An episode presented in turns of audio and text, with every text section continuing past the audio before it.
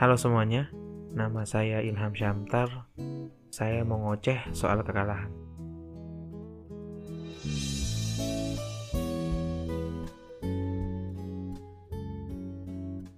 Kapan ya terakhir kali kita ngerasain kalau masalah-masalah hidup bukanlah sesuatu yang terlalu besar untuk dihadapi? Apa menjadi dewasa juga berarti mengubur anak kecil di dalam diri kita yang sebegitu mudahnya berbahagia pada hal-hal yang kecil dan sederhana? Maksudku, dulu kita juga sering salah, sering kalah, dan sering gagal. Tidak mengerjakan PR, mecahin kaca jendela, matahin kursi, menghilangkan buku teman, dimarahin guru, kalah lomba antar kelas waktu kita yang paling diandalkan, gagal dapat ranking teratas sehabis belajar mati-matian, dan kalah dalam banyak hal lainnya. Dulu kita juga nangis kok, sering malah. Kita juga marah, dan kita juga kecewa sesekali. Tapi setelah itu, kita bisa dengan mudah tertawa lagi, bermain lagi dengan riang, melepas lagi tanpa beban, mencoba lagi. Dulu, sewaktu masih jadi anak kecil yang lugu, kita menganggap dunia hanyalah kanvas kosong yang perlu diwarnai. Tak soal warnanya pas di dalam garis, ataukah tidak mencolok ketika dipandang. Yang kita tahu, hidup hanya perlu diwarnai dan dijalani aja. Tapi coba sekarang, rasanya semua hal jadi dibikin susah. Entah karena situasinya yang memang sulit, atau pemikiran kita yang makin rumit. Belum lagi orang-orang yang kalau kita mau cerita, bukannya dengerin, malah ngeremehin. Semua orang punya masalah kok, katanya. Atau, masalah kamu mah belum ada apa-apanya. Aku nih ya. Aku nih apa? Akhirnya, semuanya dipendam sendiri. Jadi kumpulan perasaan yang bisa meledak di satu waktu. Padahal kan gak apa-apa juga nangis kalau memang lagi waktunya. Sedih mah sedih aja.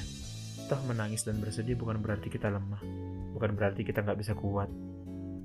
Menangis dan bersedih itu adalah pertanda kita hidup dan masih mengupayakan sesuatu. Iya sih, tentu mustahil untuk kembali menjadi anak-anak kecil lagi dan menjadi kekanak-kanakan. Tapi di titik ini, rasanya ada yang perlu kita pelajari kembali dari diri kita sewaktu masih kecil dulu.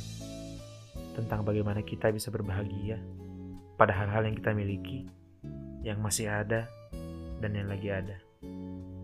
Bersedih yang seperlunya, habis itu bangkit lagi.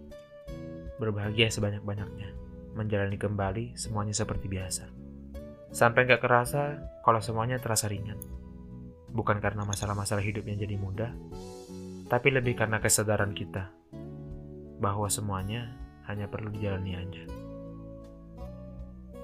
Hari ini kita kalah, besok kita menang besok kita menang, bisa jadi lusa udah kalah lagi.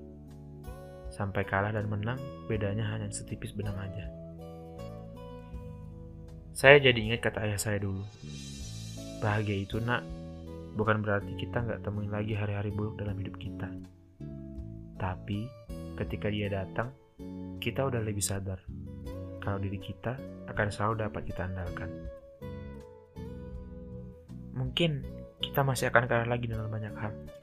Tapi kabar baiknya, di saat yang sama, kita juga akan belajar banyak hal. Paling tidak, belajar untuk menerima diri kita, mengandalkan diri kita. Menjadi dewasa memang menyebalkan, tapi semua itu yang menjadikan kita tetap merasa hidup dan menjadikan kita kita yang hari ini. Jadi, tetap semangat karena kamu nggak sendiri.